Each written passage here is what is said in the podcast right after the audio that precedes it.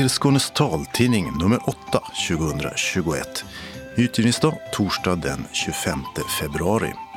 Solen gick upp 7.08 i morse och går ner igen klockan 17.34. I olika studior sitter Mats Sundling och Dodo Parikas och fjärrtekniker är Martin Holmström. Det här är innehållet. Coronaläget i Skåne har nått en platå och rädsla för en ny våg gör att nya restriktioner kan bli verklighet. Det blir inte färre synhjälpmedel, men förmodligen blir de dyrare. Det säger Region Skånes ansvariga om de nya kraven på produktsäkerhet som gäller både blodsockermätare och vita käppar. Paketautomaterna blir fler och fler i köpcenter och butiker, men den som inte ser har inte en chans att hämta ut sitt paket utan hjälp. Zoom, Teams eller Skype.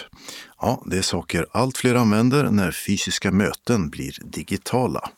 Och idag ska vi höra hur videokonferenser funkar för den som inte ser.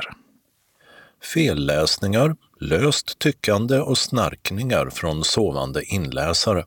Nu har talboksgrodorna gjorts till ett ljudverk som valts ut att tävla i en dokumentärfestival.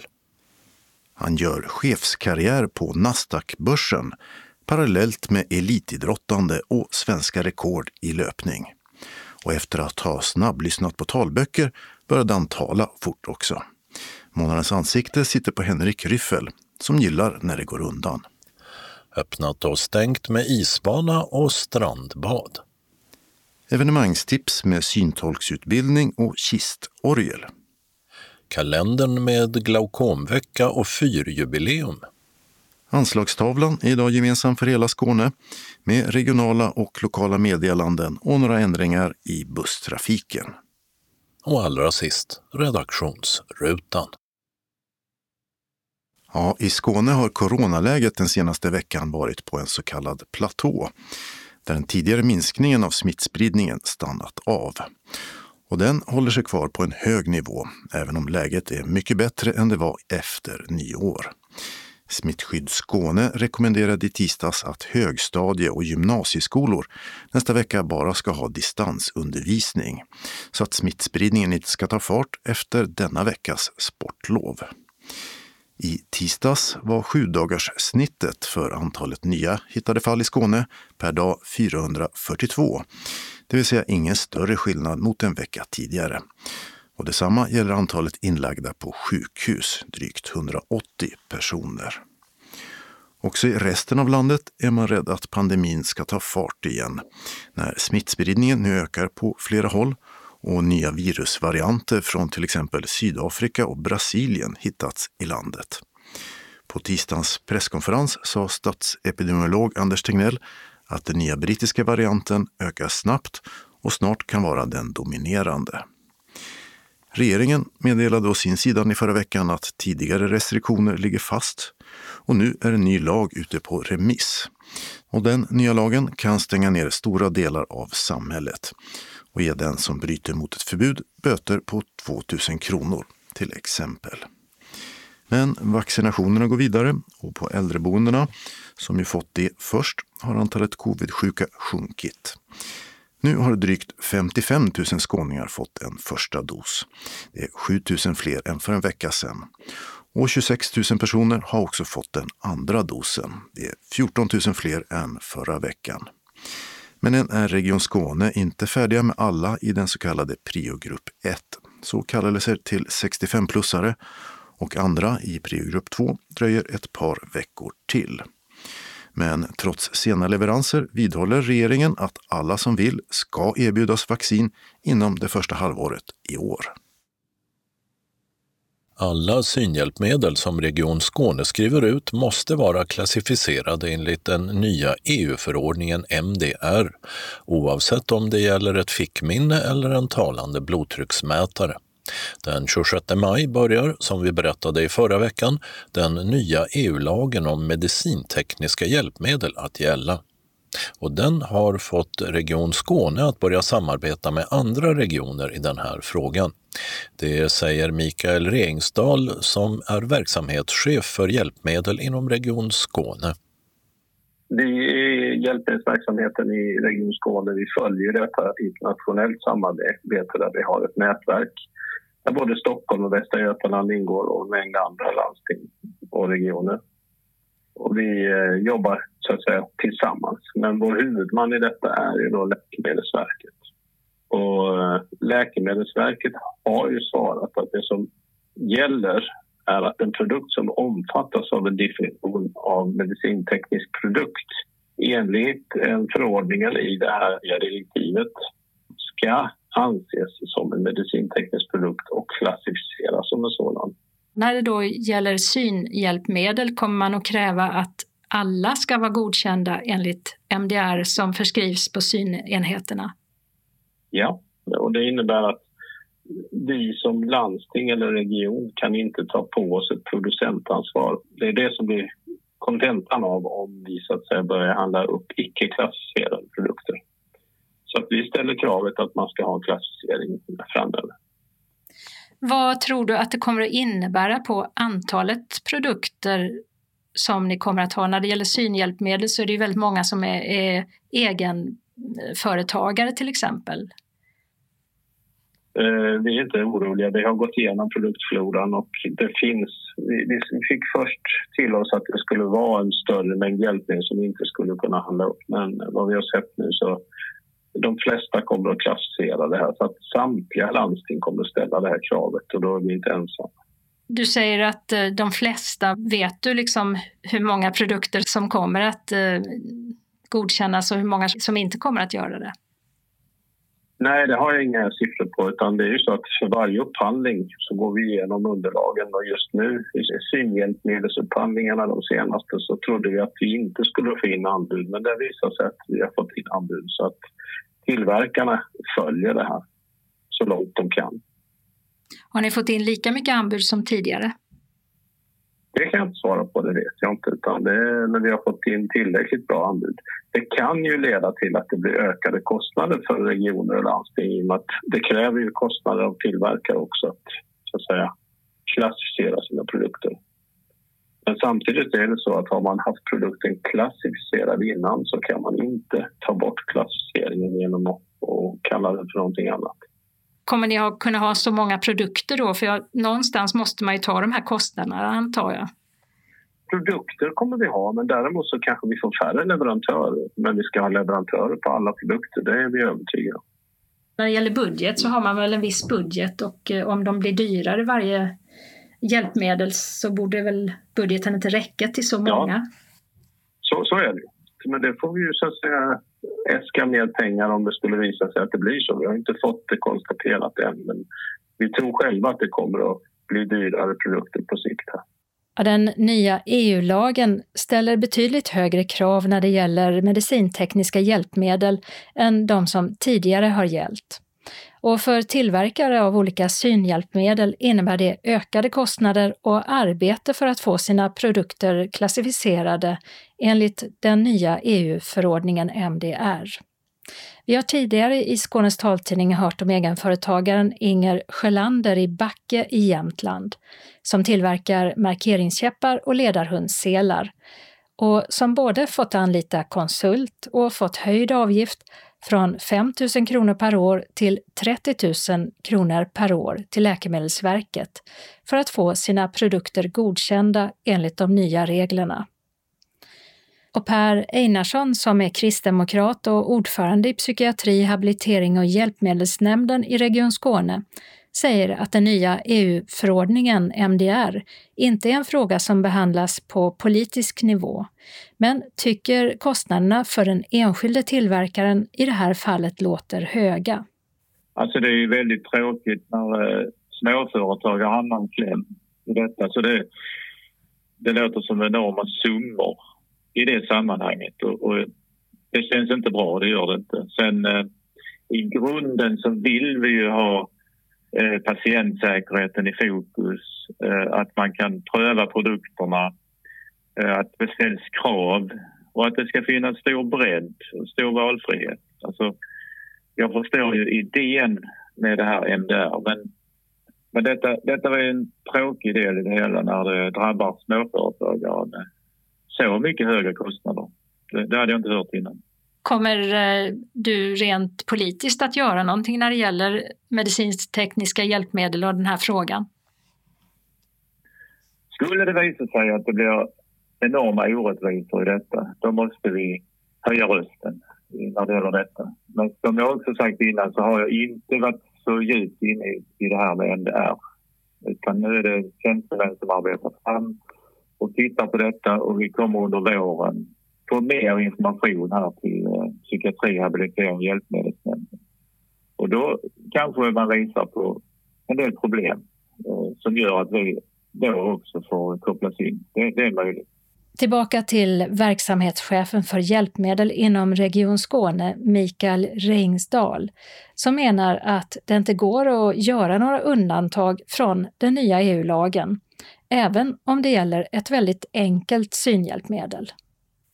Det skulle innebära att vi som eh, sjukvårdshuvudman tar på oss ett ansvar kring produktion av ett hjälpmedel som vi egentligen inte gör, vilket gör att vi skulle stå för det ansvaret om någon skadar sig på ett hjälpmedel som en producent normalt gör. Och det kan vi inte göra som landsting. Det skulle kosta oss alldeles för mycket. Inte ens om det handlar om ett fickminne eller något sånt? Det fungerar inte? Jag kan ju inte svära på att man inte kan eh, ha fatala skador med ett fickminne eller med en vitkäpp. Men jag säger bara att det här är en ställningstagande som både Läkemedelsverket och vi som sjukvårdshuvudmän har tagit i detta läget. Så att, eh, det står vi fast vid. Vi hörde Mikael Rengsdal, verksamhetschef för hjälpmedel i Region Skåne och dessförinnan kristdemokraten Per Einarsson, ordförande i psykiatri, habilitering och hjälpmedelsnämnden. Reporter Åsa Kjellman Erisi. På köpcentra och i butiker dyker de upp numera. Paketautomaterna, där man kan hämta sitt paket utan att köa på ett utlämningsställe. Men hur tillgängliga är de för synskadade? Inte alls, säger Mackan Andersson som är blind. Vi träffade honom på köpcentrat Mobilia i Malmö. Paketen brukar inte komma hit i vanliga fall utan eh, jag brukar hämta dem på ett eh, utlämningsställe en bit bort här. Men då var det fullt där så att då skickades det hit istället. Ska vi gå och titta på vad hit är? Ja. Det här är någon slags eh, automat har jag förstått nu då. Dit eh, paketen kom. Det är säkert otroligt eh, användbart och eh, sådär för människor som ser. Men, men eh, när man inte ser så, så är det liksom, det här är bara ett plåtskåp. Eh, och på den någonstans så sitter det eh, som en skärm som du ska tydligen trycka in en kod. Nu ska vi se här. Jag känner och känner här. Där är skärmen. Men det är inte så att den låter någonting här nu då. Så att jag kan inte trycka in någon kod här liksom. Eller, det blir väldigt... Eh... Där nådde du faktiskt inte ens knapparna. Aha. Det står slå in din pinkod. Ja. Du hittar den i appen. Ja, det är fint. Eh, den vet jag inte ens om eh, att den existerar. Vilket innebär att jag har ingen aning om ifall jag ens kan få telefonen att läsa upp eh, den där pinkoden. Jag fick en pinkod med ett sms som man då skulle slå in. Men nu var jag tvungen att, att be om hjälp helt enkelt för att få ut mitt paket. Och sen står det en bild här och den föreställer ett bi med ett paket i famnen. Biet ser väldigt tjänstvilligt ut och eh, räcker fram paketet och så har det en pratbubbla. Det står Behöver du hjälp? Chatta med oss direkt i appen eller trackinglänken vi skickad via sms. Säger det dig någonting? Nej, ingenting. Men det är bra att det finns en instruktion för de som ser naturligtvis. Och hur fick du ut paketet? Jag gick helt enkelt över till kiosken mitt emot och frågade ifall de kunde komma och hjälpa till. Och vi konstaterade väl då att det kanske inte var så här kanon uttänkt just eh, sådär anpassningsmässigt. Om du skulle ge en formgivare ett råd om hur det här borde ha gjorts, hur skulle det då ha sett ut? Enklast hade jag ju dels velat ha riktiga tryckknappar så man kan känna att man, man trycker in sin kod. Dessutom att det fanns någon form av talfunktion Det hade gärna fått finnas någon slags, något som blippar eller låter så jag hör vart eh, den här utlämningsstället är också. Och eh, att man då kunde få instruktioner på plats om du trycker på en knapp eller någonting sånt där. Därför att egentligen förstår jag hela poängen med att, att få det i, i det här. Man kan ha eh, ett eh, skåp öppet betydligt eh, mycket mer än vad du kan då med en, med en bemannad postdisk. Så att på det sättet så är det ju en bra tjänst, men det är för dåligt designat helt enkelt. Det står ju i det här smset då var ska det här skåpet stå någonstans då så man ska kunna hitta det. Och då står det i entrén till ICA. Så att jag gick hit och så fick jag leta lite grann då innan jag hittade överhuvudtaget. Så. Eh, jag skulle inte säga att det här är entrén till ICA. Det här är väldigt tydligt utgången från ICA. Bortom den bortersta utgångskassan. Okej, okay. okej. Okay. Ja. Vi hörde Mackan Andersson, blind Malmöbo. I de sms han fick om att hans paket fanns att hämta ut på köpcentret Mobilia var alltså dessutom fel plats angiven för var automaten står. Och om att det finns en app fanns ingen information i smset. Mackan, som ju helst vill att själva automaten ska vara tillgänglig för alla, seende, icke-seende, rullstolsburna och så vidare, han laddade senare ner appen och fann att voice-over-funktionen i hans smarta mobil dels bara läste upp delar av informationen, en del knappar hoppade den över, Dels att i appen så blandades svenska och engelska om vartannat och han hittade ingen information om hur han möjligen skulle kunnat få ut sitt paket med hjälp av appen.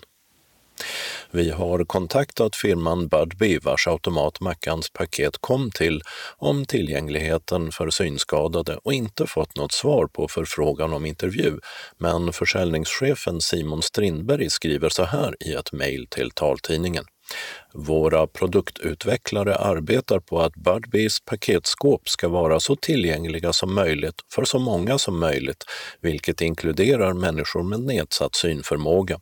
Vi arbetar på att hitta en lösning för framtida boxar. Claes Hjort är universitetslektor och forskare i förpackningslogistik vid LTH, Lunds tekniska högskola. Och han ser helst att de olika firmorna som distribuerar paket via automater ska hitta ett gemensamt system som tillgängliggör automaterna.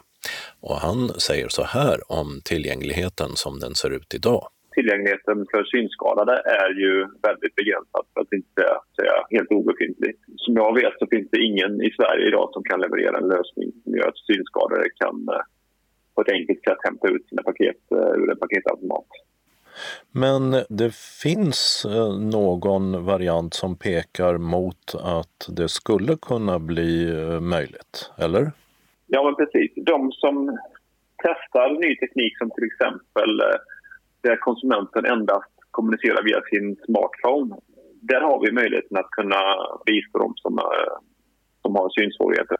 Eh, och idag finns det i Danmark något som heter Närbox, en teknik där man laddar ner en app och sen så får man all kommunikation mellan paketautomaten och, eh, och konsumenten då via sin smartphone. Och där har vi då, jag tänker mig att man kan få talstöd så att man faktiskt kan komma åt och få sina paket levererade. Men jag tror att det är svårt att med precision tala om för den som hämtar ut paketet vilket skåp som är öppet.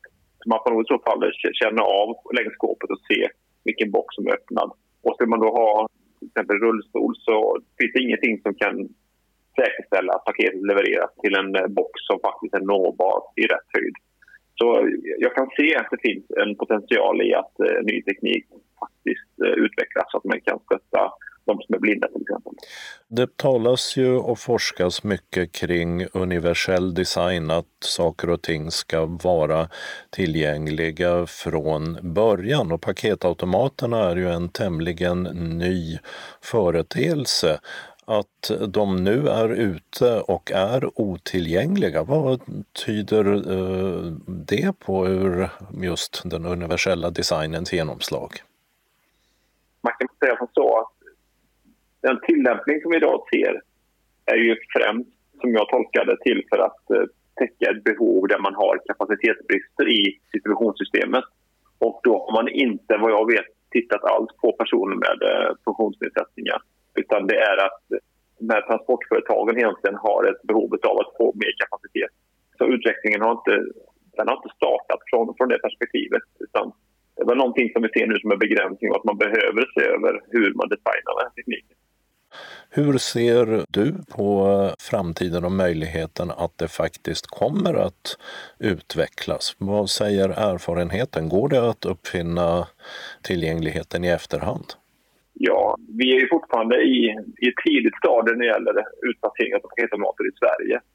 Och jag kan mycket väl tänka mig att man kan eh, starta att testa den här typen av teknik som ett komplement och att man får den insikten att den initiala investeringen och ut, utplaceringen inte täcker alla behovsägare från ett tillgänglighetsperspektiv utan i någon mening bara täcker transportörernas behov av kapacitet. Det användartänket tror jag har kommit eh, väldigt sekundärt för de som har startat i Sverige. Så jag tror att den frågan, om den lyfts på rätt sätt så kan man nog svänga om eh, skeppet lite grann och få den till att tänka mer på konsumenten ur ett tillgänglighetsperspektiv. Vad betyder lyfta på rätt sätt? Att man ser på det hela ur ett användarperspektiv, inte ur ett transportörsperspektiv. Att tekniken ska stötta en användare att hämta ut paket, inte att öka kapaciteten i transportsystem. Det är ju två helt olika sätt att se på problematiken. Det sa Claes Hjort, universitetslektor och forskare i förpackningslogistik vid LTH, Lunds tekniska högskola. Och vi hörde också Mackan Andersson.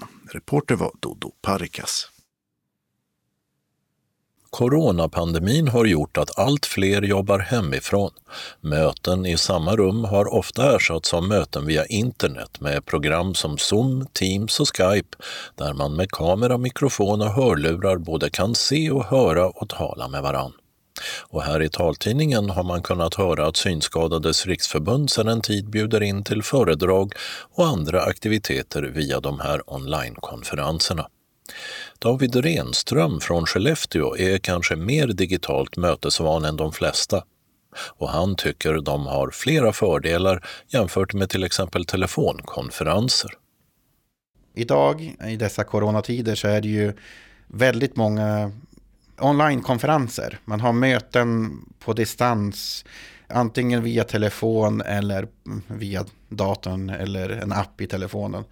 Jag vet att bland annat SRF i, i Västerbotten och i Skellefteå och, och jag vet på andra ställen också har haft eh, sina årsmöten på telefon. Eh, och eh, det är lite utmaningar med det där. Det, dels så är det ju ett, det här med disciplinen att folk ska prata en och en. Och sen är det att folk gärna ska vara tysta och inte diska samtidigt som man är med i mötet.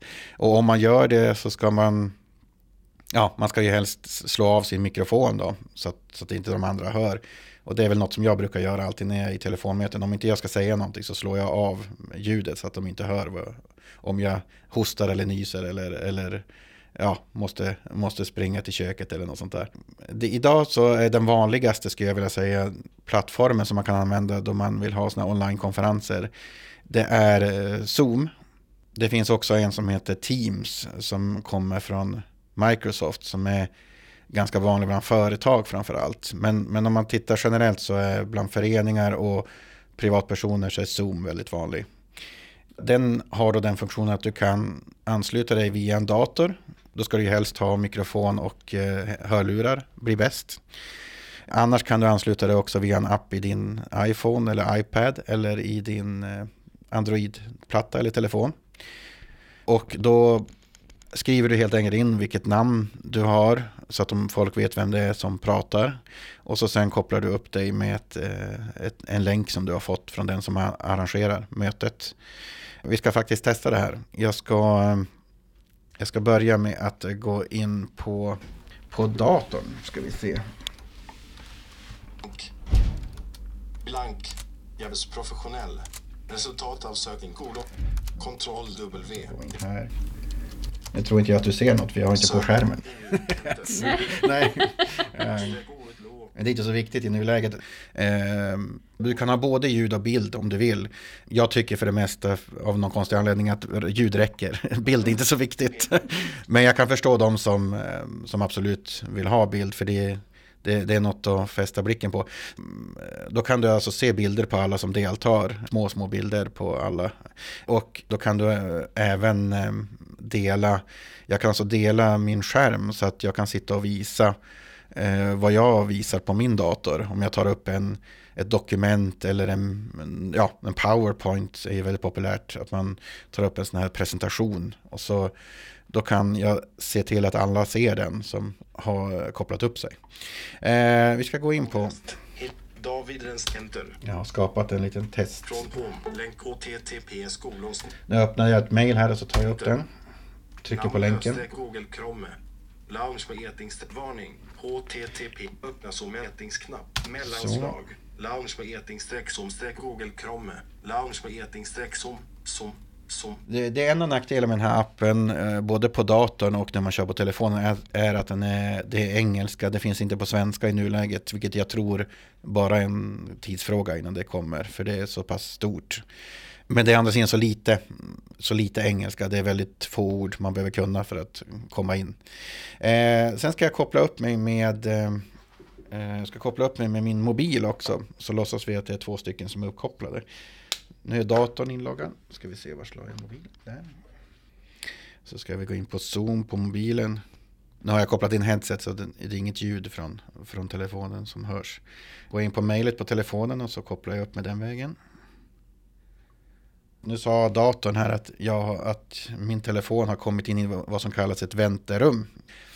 Det här är en funktion de har lagt till för att folk inte ska kunna hoppa in i sådana här möten bara hipp som happ. Utan att man ska godkännas först. Så det, det är det jag får göra på datorn. David Sifone Haslef TV i Tingro Orktis med Eting. Nu är jag på min telefon som sagt. Och jag kanske sitter i Ja, vi, vi använder det här Zoom när vi kommunicerar inom mitt jobb. Och då eh, är det ibland att en sitter i Tyskland, en sitter i Frankrike, en sitter i USA, en sitter i Holland, så sitter jag i Sverige och så sitter en i Ryssland. Det, är väldigt utspritt och det fungerar ändå. Det som är intressant här är ju att man kan ha möte med flera personer eh, och att man enkelt kan slå av och på sitt eget ljud. Plus att man, eh, den som håller i mötet faktiskt kan styra vem som får prata. Jag kan trycka på en knapp i, i min telefon då till exempel som eh, räcker upp handen. Och då, då ser den som håller i mötet kan se det då att eh, David räcker upp handen. Och så när, när det passar så får jag ordet och prata helt enkelt. Man har bättre kontroll på så att det inte blir så mycket sånt, sån här bakgrundsljud och skrap och allt som det brukar bli på sådana här telefonmöten när det är mer än några personer med. Tror du att coronapandemin gör att det kommer flyttas fram nu gränserna för mer liksom, möten, digitala möten. Jag tror att många, och det är det många som säger, att det, det många kommer att inse att många av de här mötena som man har haft live tidigare och, och rest och träffats, många av de mötena kan man faktiskt ha på distans. För de, det, det går inte att, det finns vissa, vissa saker som Alltså vissa möten ska man definitivt ha live, det tycker jag. Speciellt om, om vi pratar sådana här hjälpmedelsvisningar och sånt där som, som vi ofta har. Eh, eller relativt ofta i alla fall. Eh, och nu, nu, har ju till exempel Svensk synmässan som skulle ha varit i, i Stockholm, Göteborg, Malmö blev ju förstås inställd nu i vår. Eh, och sånt är ju svårt att e- ersätta för då vill man gärna kunna känna och, och, och prova saker och sådär och det är svårt att göra på distans. Däremot sådana här möten som, som man har ofta inom företag och inom föreningar och, och sådär där man egentligen ska sitta och prata mycket eh, och, och, någon ska visa något kanske eller berätta. Mycket sånt går faktiskt att göra på distans och då sparar man både resa och tid och i vissa fall miljö också. Man behöver inte resa så långt. Ehm, och i mitt fall så till exempel det här eh, SRF Skellefteå årsmötet som var i mars. Det hade nog inte jag varit med på om det inte hade varit så att det var på distans istället för live på plats. För att jag kände att jag hade inte tid. Även om det var här i stan och jag bor här i stan så kände jag att jag hade så mycket att göra där hemma att jag ville inte, ja, jag hade mycket annat att göra och kände inte att jag prioriterade det. Men när det var på distans och jag kunde vara med på telefon samtidigt som jag kanske stökade lite hemma och förberedde andra saker och, och, kunde göra ett inlägg när jag kände att det var, var läge för det. På det sättet så, så kände jag att, ja, men då kände jag att då, då var det en bra läge för mig att vara med ändå. Så jag hade nog inte varit med annars. Så jag tror att det här gör, öppnar upp för många eh, att kunna vara med på möten som kanske har svårt att ta sig. Man kanske är lite eh, ja, ofärdig, man är lite sjuklig eller man har helt enkelt tycker inte, man tycker inte det är värt resan eh, till ett, ett distriktsårsmöte till exempel. Ja, så jag tror det här kommer att bli mycket vanligare. Men som sagt, riktiga livemöten har sin plats det också, absolut. Men, men jag tror det här coronaepidemin här har gjort att många, många fler har fått upp ögonen för alternativen. Och det har ju också märkts, man har ju hört mycket om de här Zoom och Teams, eh, att de har mycket mer användare. Det har exploderat hur många som använder dem helt enkelt.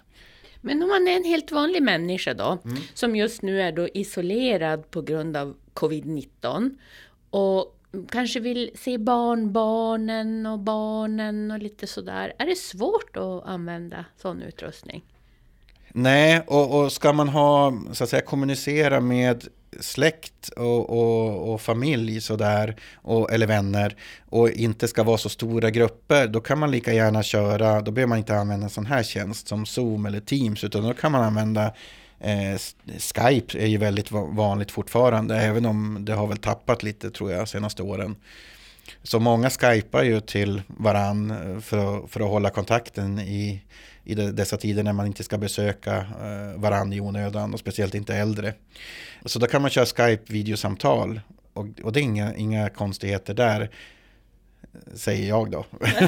De är så duktiga ja, på teknik. Men man ja. laddar som bara ner en app va, som heter ja, precis. Skype. Det, det, finns en app både till datorn och till telefonerna som heter Skype. Och eh, där får man då, mm, om man inte har ett konto så får man skapa ett och det går ganska fort. Det är mest att man ska fylla i en e-postadress och ett lösenord brukar det vara. Och så kanske, kanske något mer. Eh, det var så länge sedan jag gjorde det. Ja, när man så har gjort det så kan man sen söka upp eh, folk i den här stora katalogen med alla som finns på Skype. Och då kan man antingen söka på om man vet den, den här personens e-postadress eller så söker man på namnet helt enkelt. Söker man på David Renström på Skype så finns det inte så himla många ändå. Så att man, man kan ofta se också var man bor, om det är Skellefteå eller om det är eh, jag vet att det finns någon David Renström lite längre söderut också till exempel. Så det går väldigt bra oftast att hitta folk den vägen. Ehm, jag har ju som sagt, jag har testat alla möjliga. Jag har använt både Skype, jag har använt eh, Facebook Messenger, är väldigt populärt idag också eftersom många har Facebook. Eh, det går också att ringa med videosamtal där. Och sen finns det ju det här som heter Google Duo som är en annan variant på också videosamtal. Så det är, och WhatsApp finns det ju en app som heter. Så det finns ett otal med olika tjänster för sådana här saker. Det gäller bara att hitta den som passar. Ehm, det jag märker är ju att man eh, ska man ha kontakt med många olika så får man nästan ha flera av de här apparna för att folk eh, olika föredrar olika appar och till exempel i min familj så Eh, när jag ska ko kommunicera med mina eh, bröder och eh, ja, min, min mamma och styvfar, då är det oftast Ja, då blir det oftast man kör WhatsApp för det är det de har valt. Men sen har jag en kompis i södra Sverige som vi pratar i princip alltid på Skype. Eh, och så finns det andra som alltid ringer på Messenger. Så det, det gäller att eh, ja, man, det blir så att man, man, man skaffar det som man behöver helt enkelt. Eh, och det är lite svårt att styra folk. Det, det, en del vill säga, nej jag ska absolut inte använda Messenger, det tycker jag funkar inget bra. Nej men då får jag väl köra Skype då. Sa David Renström från Skellefteå i ett inslag som vi lånat från Norrbottens taltidning Insyn. Reporter där var Eva-Marie Svensson. Myndigheten för tupplur och missljud.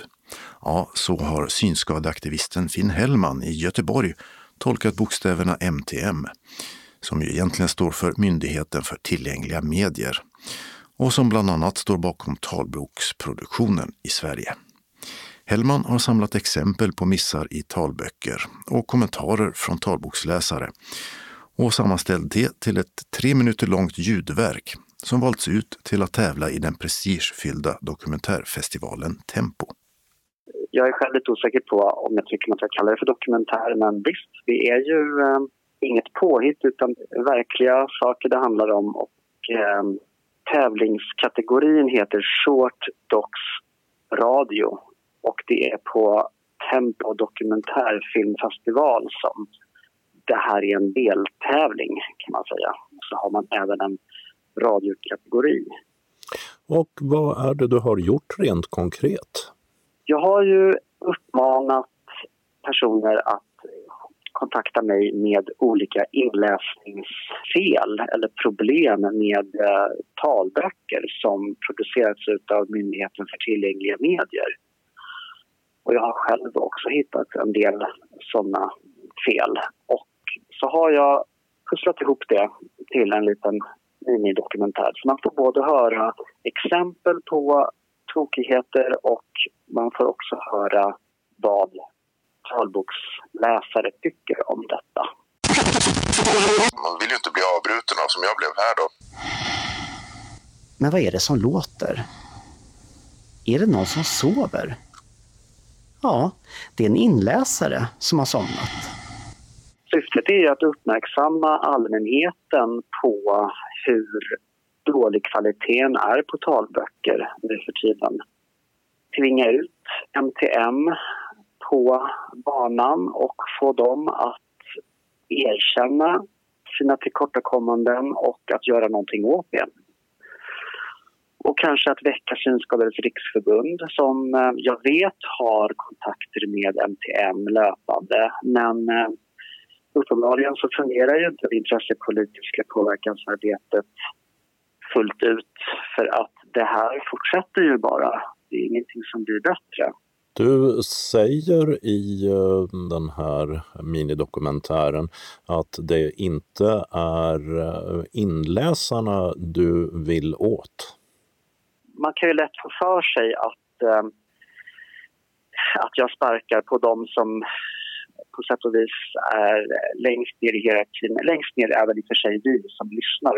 Men sen kommer inlösarna. Eh, jag tror mig veta att det inte är särskilt bra löner och inte särskilt bra arbetsvillkor. Så att jag, jag eh, anklagar inte dem. Utan man måste se det här som att det är MTM som är ytterst ansvariga ändå för de här produkterna.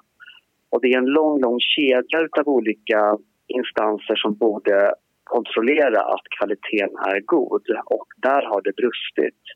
Så jag kan mycket väl förstå att, att det blir fel eh, av alla möjliga slag när inläsarna läser in. Men det borde korrekturläsas och det borde på olika sätt kvalitetssäkras. Det sa Finn Hellman, upphovsman till ljudverket om kvaliteten på talböcker. Marie Ivarsson är chef för avdelningen för medier och tjänster på MTM och säger så här. Först och främst vill jag ju säga att det är oacceptabelt att det finns den här typen av fel i våra talböcker. Och eh, jag vill ju uppmana alla läsare att om man hittar den här typen av fel att man kontaktar oss så att vi kan rätta till dem. Ni har um, gått ut på er uh, hemsida och Ehm, svarat att det har kommit till er kännedom nu att det är ett ehm, ganska litet antal fel som det är i det här fallet, fyra stycken. Finn Hellman, eh, han menar att det är ett eh, generalfel, att det är återkommande. Är det inte så ni också upplever det? Nej, vi upplever inte riktigt så. Vi får inte speciellt mycket klagomål. Vi får kanske en fyra, fem eh, klagomål i, i månaden på våra inläsningar. Och då går vi ju alltid igenom dem och tittar på vad det kan bero på. Eh, och vi reklamerar uppenbara fel. Så att, ja, det, jag skulle säga att det skiljer sig. Men där, återigen så vill jag uppmana alla att man ska höra av sig om man hittar fel. Vi, har, vi köper ju in korrekturläsning ifrån eh, våra talboksleverantörer och eh, det är ju de vi har kontakt med angående den här typen av fel. Då. Men har ni tagit upp diskussionen utifrån att det finns en bild bland just synskadade läsare om att det inte fungerar. Har ni tagit en allmän diskussion med de bolagen som gör korvningarna eller hur ser det ut? Det har vi gjort. Vi, vi har pratat med dem och vi ber dem att se över sina processer för hur de jobbar med korrekturläsning och eh, säkerställa att de rutinerna fungerar. Men uppenbarligen så är det ganska grova saker som eh, passerar. Folk som somnar eller som inte kan läsa engelska ord. Eller, det är rätt flagranta saker om man ska få en bra produkt, en bra bok. Vi håller ju verkligen med om att det här är ju helt oacceptabla fel. Det är ju inte alls vad vi förväntar oss i leverans av våra leverantörer. Vi kommer fortsätta ha diskussion eh, kring de rutiner som våra leverantörer har så att de säkerställer att det här inte eh, sker. Ehm, Finn Hellman framför en kritik och det är att ehm, MTM kanske inte har tillräckliga ekonomiska muskler för att kunna fullgöra sitt eh, uppdrag i de här fallen. Det är rätt tuff kritik. Vad säger du om det? Vi har ju tillsatt resurser men i och med att vi har upphandlat den här eh, korrekturläsningen så att det har vi ju verkligen prioriterat att det ska vara en korrekturläsning. Där tycker jag nog att vi har prioriterat eh, resurserna. Menade Marie Ivarsson, MTM. Finn Hellman säger i sin tur att han tror att det kommer att vara nödvändigt att fortsätta påpeka kvalitetsbrister och fel i talböcker. Och mycket riktigt, så här lät det i Radio SRF i fredags när Joakim Kohlman spelade upp ett exempel på att den inläsare som uppmärksammades stort och negativt när han 2019 la in personliga kommentarer i en bok han läste in. Han hade gjort det i fler böcker inläsarens kommentar. Det är även min erfarenhet att engelska Wikipedia är mycket mera korrekt och fullödig än den svenska, oavsett ämne. Slut på inläsarens kommentar. Det här är ju då samma inläsare som läste in den felaktiga versionen av det stora könsexperimentet. Hur vill du kommentera att det alltså har hänt igen att en inläsare inte kan avhålla sig från egna åsikter i en bok? Nu förstod inte jag, var det här en, en ny bok som... Eh, den här boken ligger i katalogen nu, den är inläst 2018. Okej. Okay. Ja, alltså det är ingenting jag känner till. Det var Marie Ivarsson, chef för avdelningen för medier och tjänster på MTM, som sa så till Radio SRF i fredags och sedan lovade att fortsätta jobba med sina rutiner. Och sen var det ju detta med att Finn Hellmans kritik när det gäller slarv och fel i talboksinläsningar blev till ett litet ljudverk som togs ut för att tävla i kategorin Short Docs Radio, kort dokumentärradio, vid dokumentärfestivalen Tempo som i år är digital. Det är ju tio stycken tävlingsbidrag som nominerats eh, så rent statistiskt så har jag ju en chans på tio att vinna. Men jag är glad bara för att ha blivit nominerad. Så alltså Finn Hellman, synskadeaktivist och frilansjournalist bosatt i Göteborg. Vi hörde även Marie Ivarsson, chef för avdelningen för medier och tjänster på MTM, Myndigheten för tillgängliga medier. Tempofestivalen äger rum den 8-14 mars på nätet och hela Finn Hellmans minidokumentär, som vi lånat några klipp ur i inslaget, går att hitta om man till exempel googlar på Youtube, Finn och tupplur. Reporter var Dodo Parikas. Somliga känner honom kanske som friidrottare med landslagskarriär, svenska rekord och Paralympics på meritlistan. Eller som Svenska RP-föreningens tidigare ordförande. Men han har också programmerat kanoner till kustkorvetter och byggt datasystem för Nasdaq-börsen som han nu gör chefskarriär i. Och började prata fort gjorde han efter att ha snabblyssnat på en massa böcker. Månadens ansikte är Henrik Ryffel, en 54-årig tvåbarnsfar med ovanligt många järn i elden. Som många andra jobbar han hemifrån, i det här fallet från villan öster om Stockholm. Vi fick tag på honom mellan videojobbmötena och intervjun är också gjord som ett sånt, med det ljud som det ibland kan innebära. Och som månadens ansikte får han förstås själv beskriva sitt utseende. Ja, det var ett tag sedan jag såg mig själv då, eftersom jag inte ser så bra längre. Men eh, jag är ganska smal, lite kortare medellängd. Eh, tidigare hade jag mellanblont hår, men nu brukar mina barn säga att det mer går åt grått, så jag får väl tro dem. Eh, mellanblå ögon tror jag har också. Ja, det är väl en enkel beskrivning tror jag. Mm. Dina barn ser? De ser bra. Jag har två stycken barn. Eh, Jag avbröt det här mellan en massa jobbmöten. Du jobbar hemifrån villan i Saltsjöbo i Nacka, öster om Stockholm kan man säga. Eh, vad jobbar du med just nu? Jag jobbar som projektledare på Nasdaq och vi håller på och säljer och tillverkar börssystem. Jag är på en avdelning där vi tillverkar just börssystem. Då. Så jag har gjort en massa projektaktiviteter, jag har gjort lite planering av något projekt och haft möte med en av våra kunder i Chile och ja, lite sådär. Nasdaq, eh, är det Stockholmsbörsen då? Ja, precis. Det är ju Nasdaq som köpte Stockholmsbörsen för ja, nu drygt tio år sedan. Det hette ju OM, OMX och sånt där tidigare. Och då är det dataprogram som du sysslar med gissar jag.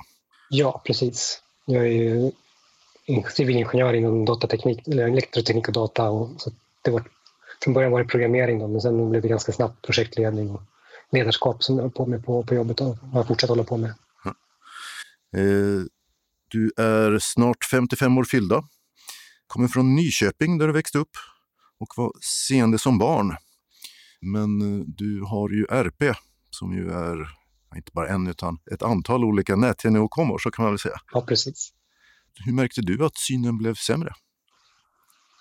Även när jag var liten så kom jag ihåg, då slog jag mig ganska ofta. Jag liksom snubblade på stenar, slog i tårna och skrubbade knäna och sånt där. Så förmodligen har jag sett eh, lite sämre redan från början. Sen eh, när jag var ut och lekte på eftermiddagarna på vintern och, spelade typ landhockey, då märkte jag att eh, när mörkret började falla såg inte jag bollen längre. Men att mina kompisar de fortsatte att spela. Och då insåg jag att det är någonting som är annorlunda med mig. Då. Hur gick det att gå i skolan då? Ja, men det gick bra. Eh, Jag har alltid suttit längst fram. Men det gick även bra på, på högskola och så, så det funkade bra även där. Så det är väl först, nu är det kanske 15 år sedan jag läste en bok i svartskrift senast. Ja, du blev civilingenjör då på Kungliga Tekniska Högskolan.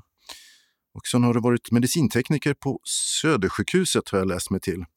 Eh, och sen fick du anställning på ett företag som heter Celsius Tech och Saab och då är det väl försvarsindustrin. Ja, Jag började faktiskt på Celsius Tech då, i Järfälla, försvarsindustrin. Då. Då program- programmerade jag kanoner på kustkorvetterna. Och sen så bytte jag till medicinteknik. Det var ganska stort steg där, men det var, ja, jag ville göra någonting annat. Från att, ja, vad ska man säga, ta liv till att rädda liv. Ja, lite så kan man säga. Och och nu har jag hamnat i finansbranschen, så jag har provat ganska mycket olika branscher kan man säga. Mm. Ja, finansbranschen, hur många blinda kollegor har du haft där? Ja, det är väl ingen egentligen. Jag har en synskadad kollega i USA, men det är väl det, enda. Då. Så var det en av våra kunder som faktiskt var blind också, kommer jag ihåg. Och en blind kollega där. Men, men jag har inte haft någon blind kollega här i Stockholm. Jag tänker mig att det är en välbetald och prestationsinriktad och resultatinriktad bransch där det inte får gå fel och många vill göra karriär. Och det är en miljö där ja, alla är seende då, utom du. Jo, men visst är det så. att det, man får jobba på ett annat sätt. Och, och som du sa, Nasdaq är lite grann prestationsinriktat företag. Så presterar man inte tillräckligt bra så, så blir det jobbigt. Så jag har ju försökt hitta sätt att arbeta på så att det, det funkar. Och, och det, har, det har väl gått rätt så bra faktiskt. Vissa saker gör jag jättemycket långsammare på grund av att jag men andra saker kanske jag gör snabbare istället. Så det, i slutändan så brukar det ta ut varandra. Man får ju välja sina strider och försöka be om hjälp när det måste och försöka klara sig själv där det går. Sen parallellt med, då, med din eh, studie och sen då yrkeskarriär eh, så har du varit elitidrottare som friidrottare. Där du har varit i landslaget, varit med i Paralympics 2008, kommer jag ihåg att vi rapporterade om. Du trodde att, du skulle, att ditt personbästa skulle räcka till medalj, vill jag minnas. Och sen eh, hamnar du på 22 plats, om jag Ja, minns så rätt. fel man kan vara. Eh, och det hade ju faktiskt varit så att i alla Paralympics innan dess, då tror jag att mitt personbästa hade, hade räckt till medalj. Men det blev ett väldigt skifte i prestationer det 2008 och, och sen dess också har det varit mycket, mycket tuffare. Så man kan nog säga att ja, Paralympics har blivit mycket, mycket hårdare. Det är mycket svårare att ta medalj. Vi måste verkligen satsa på för fullt och ha bra uppbackning och sådär. Så, det, var, det var mycket tuffare än vad vi trodde. Mm. Men det var en otroligt nyttig erfarenhet. Ja, och du har varit med då i en mängd olika mästerskap och tävlingar i World Games och rest runt i långdistanslöpning ska jag säga. Då. Maraton var väl lite av din specialdistans? Ja, egentligen var det faktiskt 3000 meter hinder från början innan jag var synskadad. Eller innan jag blev så synskadad att jag inte kunde hoppa över se hindren. Mm. Det, det sprang jag, tävlade jag mest på när jag var yngre. Då. Men sen blev det maraton som jag var kanske bäst på. Då. Och då undrar man kanske där då, hur har du haft tid och ork med att få ihop det här med en sån yrkeskarriär parallellt alltså? Jag skulle nog säga att hade jag inte tränat så hade jag inte klarat av jobbet. Jag känner att när man, inte ser så bra, då får man kompensera på något sätt för att kunna utföra ett bra jobb. Och då får hjärnan jobba på högvarv. Så det är ganska, hjärnan blir ganska trött helt enkelt. Så jag brukar försöka träna mitt på dagen, på lunchen. Då. Och utan den träningen så tror jag inte jag hade klarat det här jobbet. När jag kom tillbaka efter lunch och skulle köra på eftermiddagen på jobbet, då var det som att hjärnan var resetad och man hade en fräsch och pigg hjärna igen som orkade jobba. Mm.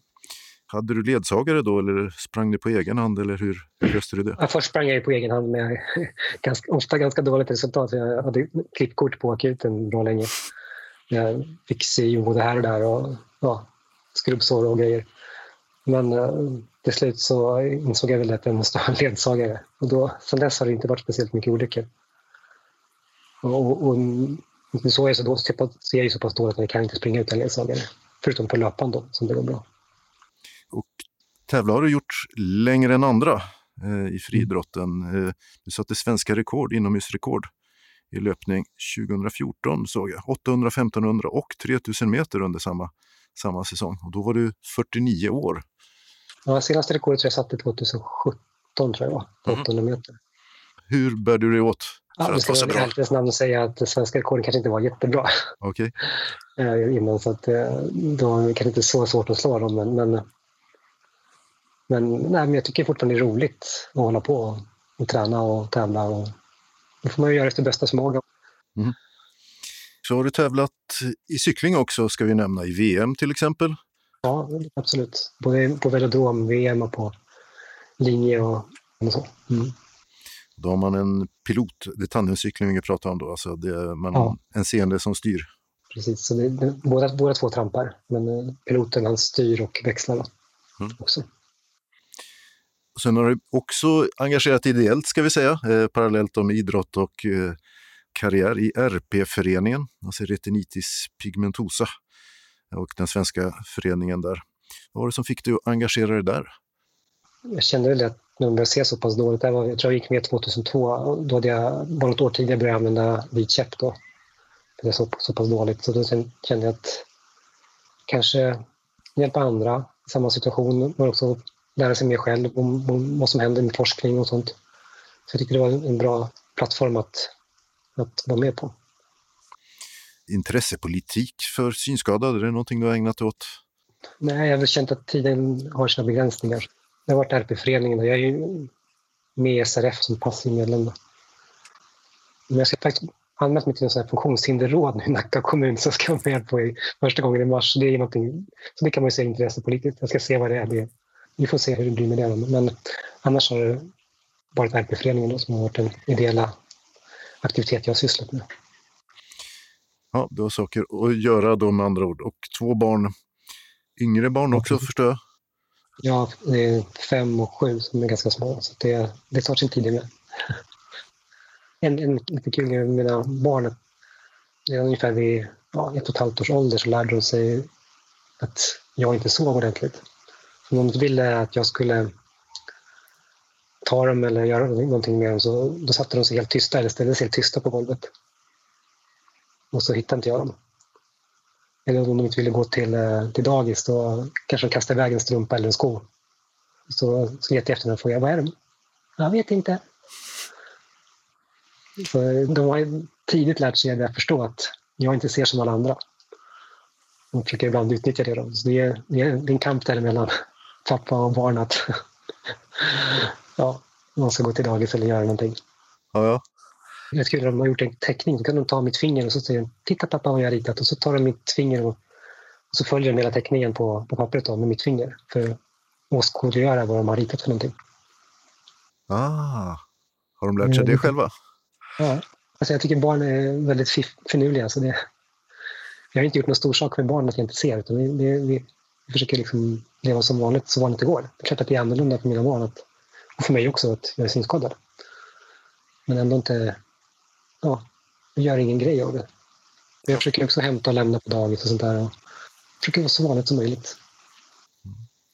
Nu har du kanske inte så svårt att fylla din tid av vad det verkar, men eh, vad gör du annars när du inte då jobbar, tränar, eh, tar hand om familj eller RP-föreningen? Jag lyssnar mycket på poddradio.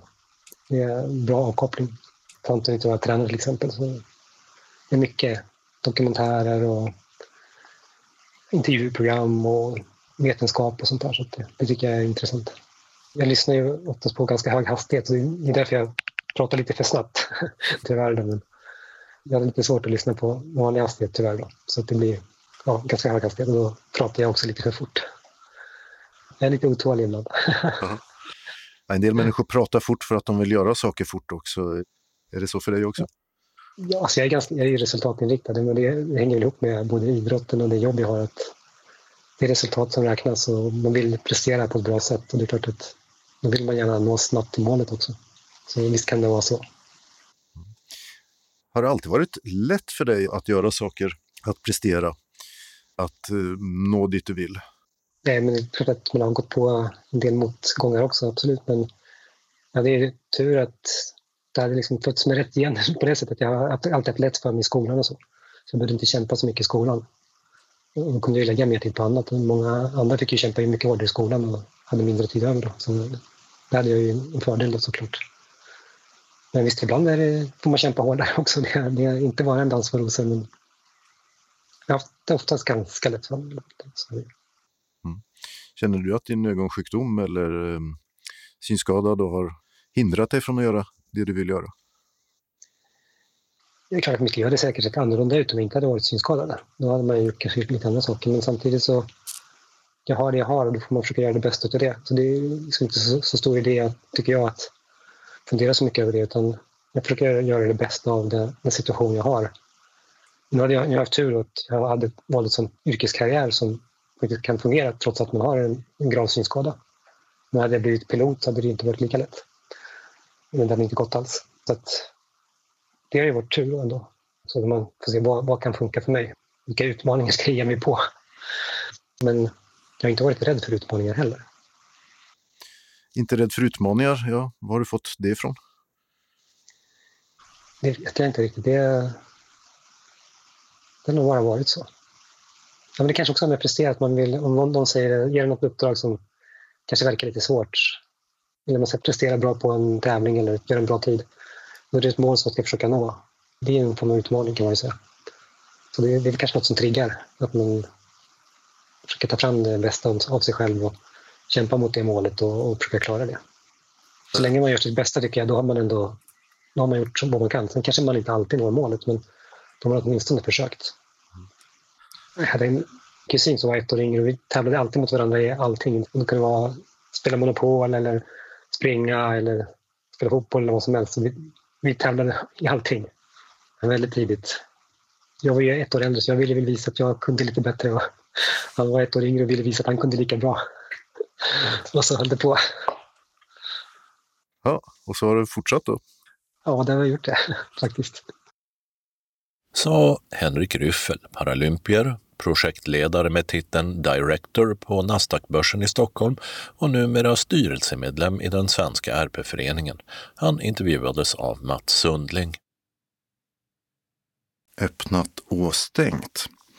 Hörby har fått en brandstation igen efter att den gamla brann ner i höstas.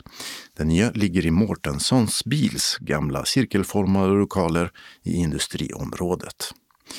I Malmö har Rosengårdsbiblioteket stängt för en ombyggnad som ska vara klar i mitten av nästa år. Den 12 april i år öppnar biblioteket i tillfälliga lokaler i Rosengård centrum på adressen Adlefältsväg 2C. I lokalen bredvid där bland annat Försäkringskassan sitter. I Vellinge har kommunen stängt Falsterbo strandbad för gott, åtminstone som så kallat upplevelsehus. I lokalerna fanns sedan 2016 konsthallen, en restaurang och ett naturrum med bland annat fågelskådningsdäck samt en ljudbrunn med fågelkvitter. Adressen var Strandbadsvägen 30. I Lund har en isbana öppnat på Stortorget där allmänheten kan åka skridsko. Men bara ett begränsat antal personer samtidigt. Evenemangstips. Nu på lördag den 27 februari tas syntolkning upp i SVT. Medverkar gör bland annat Lotta Lagergren, ansvarig för syntolksutbildningen vid Fällingsbro folkhögskola i Örebro och Maj-Britt Ryman, SRF-are från Skåne. Inslaget ingår i programmet Sverige som börjar 19.00 i SVT1. Sändningen som även läggs ut på SVT Play är inte syntolkad. Skånes dansteater har haft digital premiär på en ny dansföreställning av koreografen Marie Carrasco. Remind me I'm not dead heter den, alltså Påminn mig om att jag inte är död. Att existera mitt emellan två världar, stilla betrakta världen på håll utan att längta in i den. Det går att ta del av föreställningen med syntolkning alldeles gratis via nätet mellan 5 och 31 mars. Då ringer man 040 20 84 71 för lösenord och instruktioner. Det går även att e-posta till dialog skanesdansteater.se. Palladium på Södergatan i Malmö hade planerat flera konserter i mars men ingenting är säkert i dessa tider. Den 6 mars 19.00 var det till exempel tänkt att Torsson skulle spela, men den konserten är nu flyttad till 30 oktober. Den som redan hunnit köpa en biljett kan använda den i höst. Den 13 mars 19.00 och en timme framåt så spelar Trio Wolski en mix av traditionella nordiska folkmelodier och egna kompositioner. 120 kronor kostar det och när detta nummer av taltidningen görs så finns den konserten kvar på programmet. Medan kammarmusikkonserten på Palladium den 17 mars är inställd. Från Sankt Nikolai kyrka i Trelleborg läggs en konsert ut på nätet den 7 mars 16.00. Barockens pärlor heter den och man inviger samtidigt en mindre orgel, en så kallad kistorgel i kyrkan.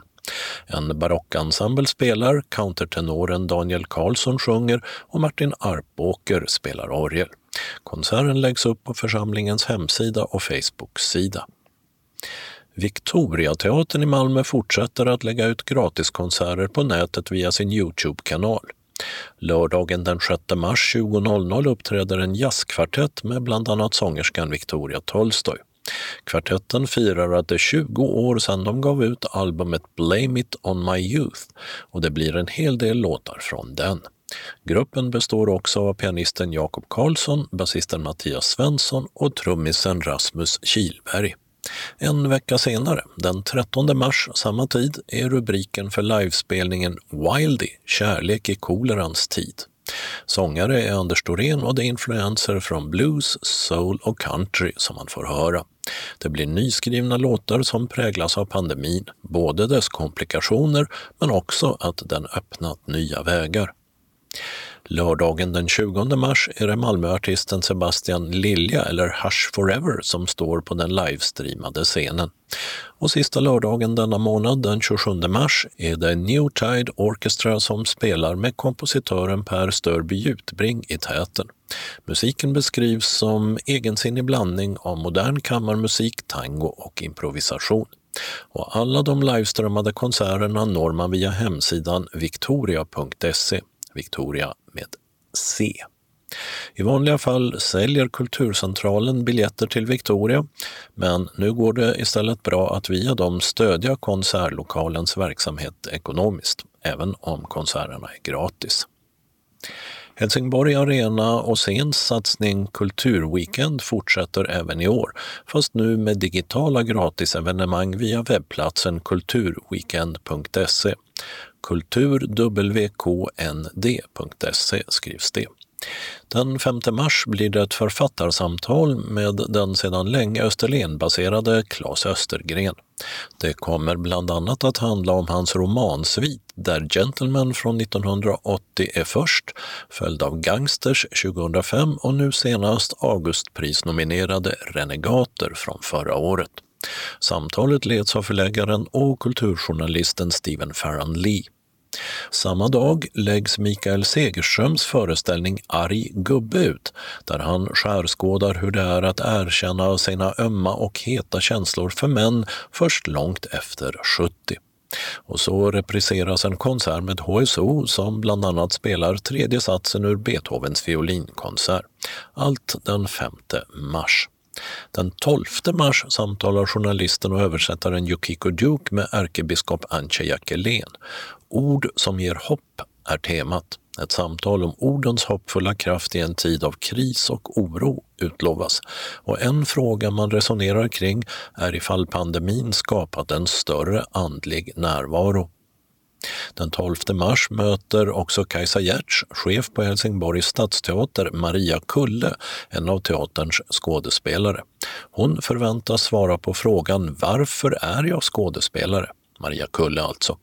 Och den 12 mars blir det även en HSO-repris till. Då framför Helsingborgssymfonikerna verket In Sea” av Terry Riley. Den 19 mars är artisten med mera Jenny Wilson samtalsgäst. Dessutom framför hon en låt tillsammans med HSOs musiker. Och från och med 19 mars kan man också ta del av ett samtal mellan antikvarien Pelle Johansson och HDs journalist Thomas Nilsson. Farsoter från förr är rubriken då. För den pågående pandemin är inte den första som drabbat mänskligheten. Biljettinformation Kulturcentralen telefon 040 10 30 20. Kalendern för årets nionde vecka börjar med att vi byter månad måndagen den 1 mars då vi enligt äldre språkbruk går in i vårmånaden. Danskarna däremot betraktade förr detta som asaguden Tors månad eller Tådemåneden. Det är dessutom årets 60 dag. I delar av landet, däribland Stockholm, Värmland och Gotland, så börjar sportlovet. I Bulgarien och delar av Ungern firas vårens ankomst under namnet Baba Marta. Baba betyder farmor eller mormor, som i ryska baborska. Färgen rött i form av garndockor och band symboliserar våren under Baba Marta. Wales har sedan 1200-talet varit en del av England, men vad de nutida walesarna skulle göra om Skottland och kanske även Nordirland skulle bryta sig ur Storbritannien på grund av Brexit, det står skrivet i stjärnorna. Just nu säger 53 procent av walesarna nej till självständighet, 22 säger ja och resten är osäkra, men antalet självständighetsförespråkare har gått upp, allt enligt BBC. Hur som helst är detta Wales skyddshelgons dag, St. David's Day, vilket även eh, betraktas som Wales inofficiella nationaldag. Albin och Elvira har namnsdag, men vi har även en 460-åring att fira denna dag. Detta datum 1561 tändes nämligen Kullens fyr för första gången, antas det, eftersom kung Fredrik II av Danmark året innan hade bestämt att den då nya fyren skulle lysa under dygnets mörka timmar från 1 mars till 11 november. Tisdagen den 2 mars är det Ernst samt Erna som har namnsdag. 90 år fyller Mikhail Gorbatjov, Sovjetunionens sista ledare som egentligen tänkte reformera unionen men som istället fick se Sovjetväldet braka samman. Medan Gorbatjov 1991 förberedde ett nytt unionsavtal gjorde konservativa krafter ett kuppförsök i Moskva. Ett kuppförsök som stoppades av den ryska delrepublikens ledare Boris Jeltsin. Den ena tidigare Sovjetstaten efter den andra utropade sin självständighet och Sovjetunionen upplöstes. I riksdagen är det interpellationsdebatt då landsbygdsminister Jenny Nilsson bland annat svarar på frågor om djurskydd. Och fem år fyller prins Oscar, son till kronprinsparet och den tredje i successionsordningen. Skulle han hamna på tronen så skulle han även bli Oscar den tredje. Onsdagen den 3 mars har Gunborg och Gunvor namnsdag. Kunigunda åkte däremot ut ur almanackan 1901. 160 år har passerat sedan livegenskapen upphävdes i Ryssland, fast den gången ägde det rum den 19 februari, vilket var helt enligt den gamla ryska tideräkningen. Och för 65 år sedan lösgjorde sig Marocko från fransk överhöghet och blev självständigt. Torsdagen den 4 mars firar Adrian och Adriana namnsdag. Göteborgskan Sonja Hedenbratt hör till Sveriges stora jazzsångerskor. Ändå var hon kanske mer känd som revyartist hos Hasse och Tage och från tv-serier som Jubel i busken. Denna dag skulle hon ha fyllt 90, men Sonja Hedenbratt gick bort redan 2001, 70 år gammal. Fredagen den 5 mars är Toras och Tores namnsdag. Det något ovanligare namnet Konon fanns dock kvar på detta datum ända till 1901. Lördagen den 6 mars är det Ebba som har namnsdag och det har även Ebbe. Och söndagen den 7 mars så tar veckan slut. Men det är samtidigt starten på den internationella glaukomveckan som håller på till den 13 mars. Syftet är att göra ögonsjukdomen glaukom, alltså grön starr, mer känd. I år är många evenemang digitala, men på några håll i landet placerar lokala glaukomföreningar ut informationsmaterial på sjukhus eller köpcenter. Namnsdagsbarnet denna dag heter Camilla. Anslagstavlans regionala del börjar med ett meddelande från Glaukomföreningen Syd till sina medlemmar. Den 7 till 13 mars genomförs den årliga världsglaukomveckan för att göra ögonsjukdomen glaukom mer känd. Tisdag den 9 mars klockan 18 arrangerar Glaukomföreningen Syd en digital föreläsning med Boel Bengtsson, professor i oftalmologi och forskargruppschef vid Lunds universitet. Med rubriken Synfält viktigt för kontroll av glaukom. Vad gör vi för att förenkla för patienten och för sjukvårdspersonalen? Själva föreläsningen är fulltecknad men intresserade kan få en inspelad version efter föreläsningen genom att kontakta Ulla Göransson på e-postadressen goransson med dubbel s, .ulla gmail.com. SRF Skåne vill ha intresseanmälningar från de som vill lära sig att spela golf. SRF Skåne hade sitt representantskapsmöte den 21 november och antog verksamhetsplan och budget för 2021. En ny del som tillkommit är sport och hälsa, där golf är en av idrotterna. Vi söker dig som skulle vilja göra golfen till din sport. Och med hjälp av instruktion och träning ger dig möjlighet att få ett grönt kort eller speltillstånd så att du kan spela på banor. Vi planerar att ha aktiviteter på tre klubbar i olika delar av Skåne, nämligen Mölle GK, Malmö Burlöv GK och Degeberga GK. För att du ska anmäla dig behöver du vara intresserad av att utöver den instruktörsledda träningen träna på egen hand. Du och din caddy kommer att träna tillsammans med instruktör och sen själva mellan tillfällena. Beroende på din synnedsättning kan du behöva olika mycket hjälp av en ledsagare eller caddy, som det kallas på golfspråk.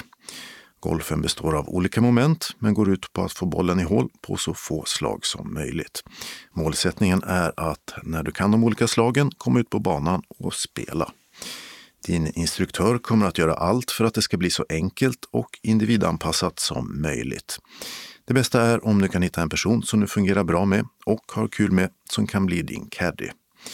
Då antalet platser blir begränsat vill vi att ni som är intresserade inser att det är en fantastisk möjlighet, men som kräver att deltagarna verkligen har vilja och motivation att lägga ner många timmar på detta.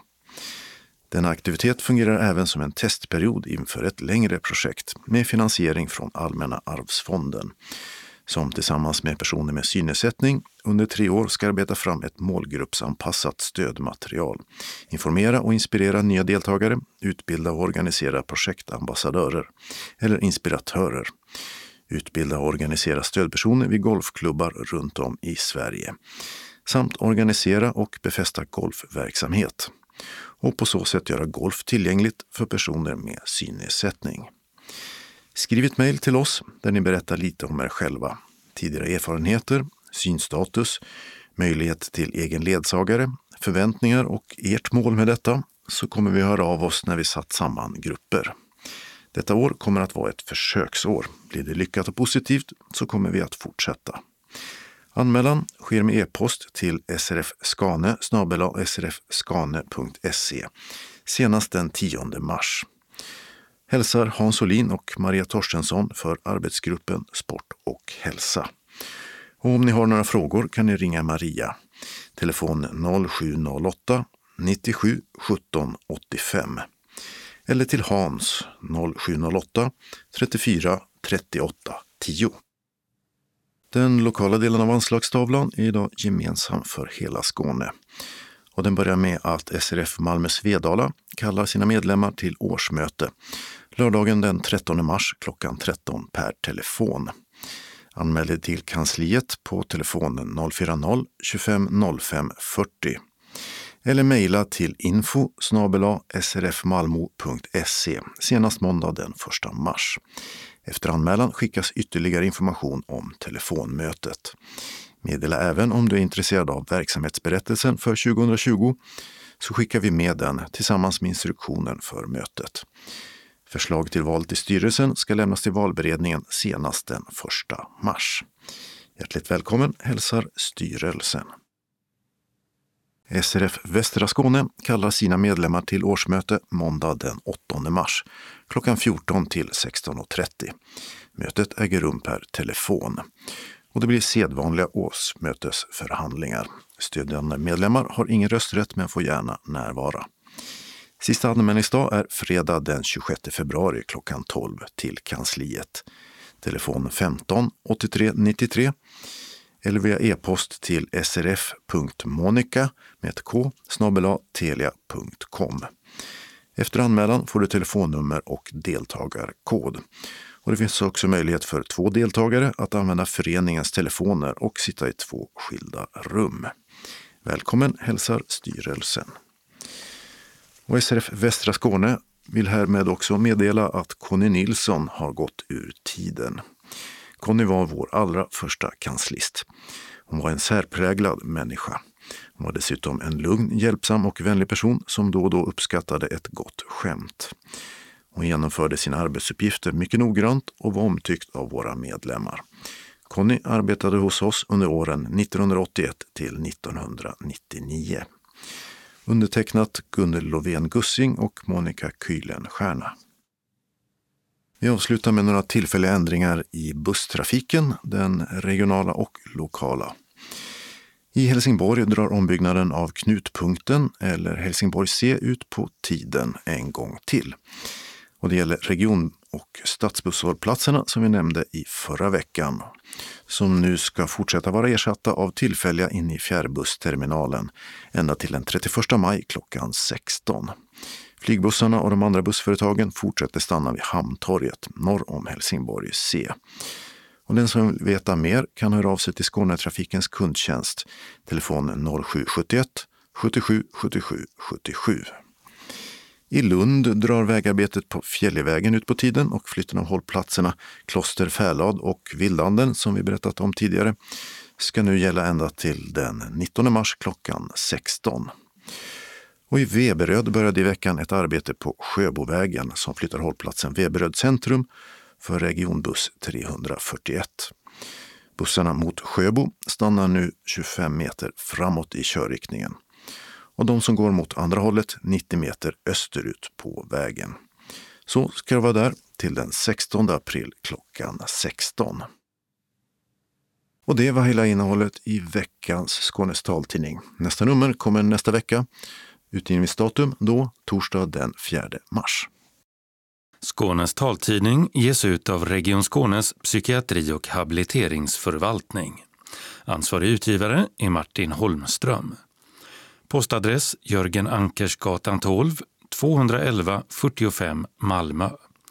Telefon 040 673 0970. E-post Skanes taltidning snabela skane.se och hemsida skanestaltidning.se.